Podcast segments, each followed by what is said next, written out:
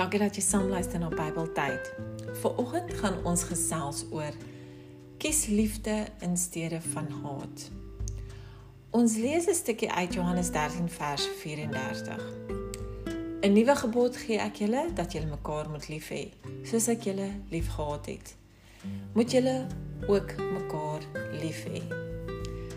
Ek voel ek moet baie gesels oor hierdie onderwerp om 'n rede daar so baie verdeeldheid is in die wêreld tussen rasse. Dit is my vreeslik om die nuus te lees en te sien hoeveel mense mekaar net nie kan aanvaar nie. So vir die afgelope paar dae het ek ook geluister en gelees na omgee vrede en liefde podcasts, video's en ek het ook artikels gelees. Vandag druk dit regtig weer eens op my hart om met elkeen te deel wat ons nodig het om te hoor. Elke dag van ons lewens sodat ons dit nooit sal vergeet nie. God wil hê ons moet in vrede lewe. God wil hê ons moet in vrede lewe. Haat kan enige iemand afbreek.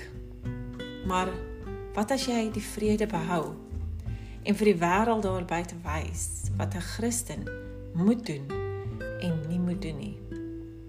Soos hulle altyd sê, skyn jou lig vir die Here. Vir die kleintjies sê ons skyn jou liggie vir Jesus.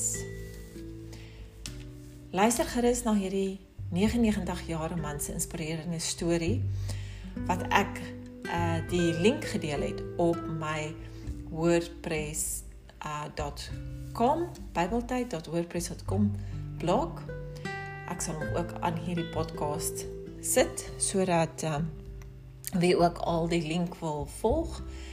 Maar ek stel voor almal moet luister na na wat hy te sê het. Nadat jy geluister het, dan moet jy besef, hoe kan ons dan lewe met haat? As ons luister na sy storie en hoe positief hy is, kyk na sy gesondheid. Verander vandag gaan beslis meer oplet na hoe ek lewe. Geen meer liefde. Die duiwel wil hê ons moet haat, want dit is mos waarvoor hy strewe, verdeeldheid. 'n Stukkie uit Efesiërs 6 vers 15 sê en as skoene aan julle voete die bereidheid vir die evangelie van vrede. Dit gaan oor die wapenrusting van God. Mag vandag 'n goeie dag wees vir jou. Totsiens.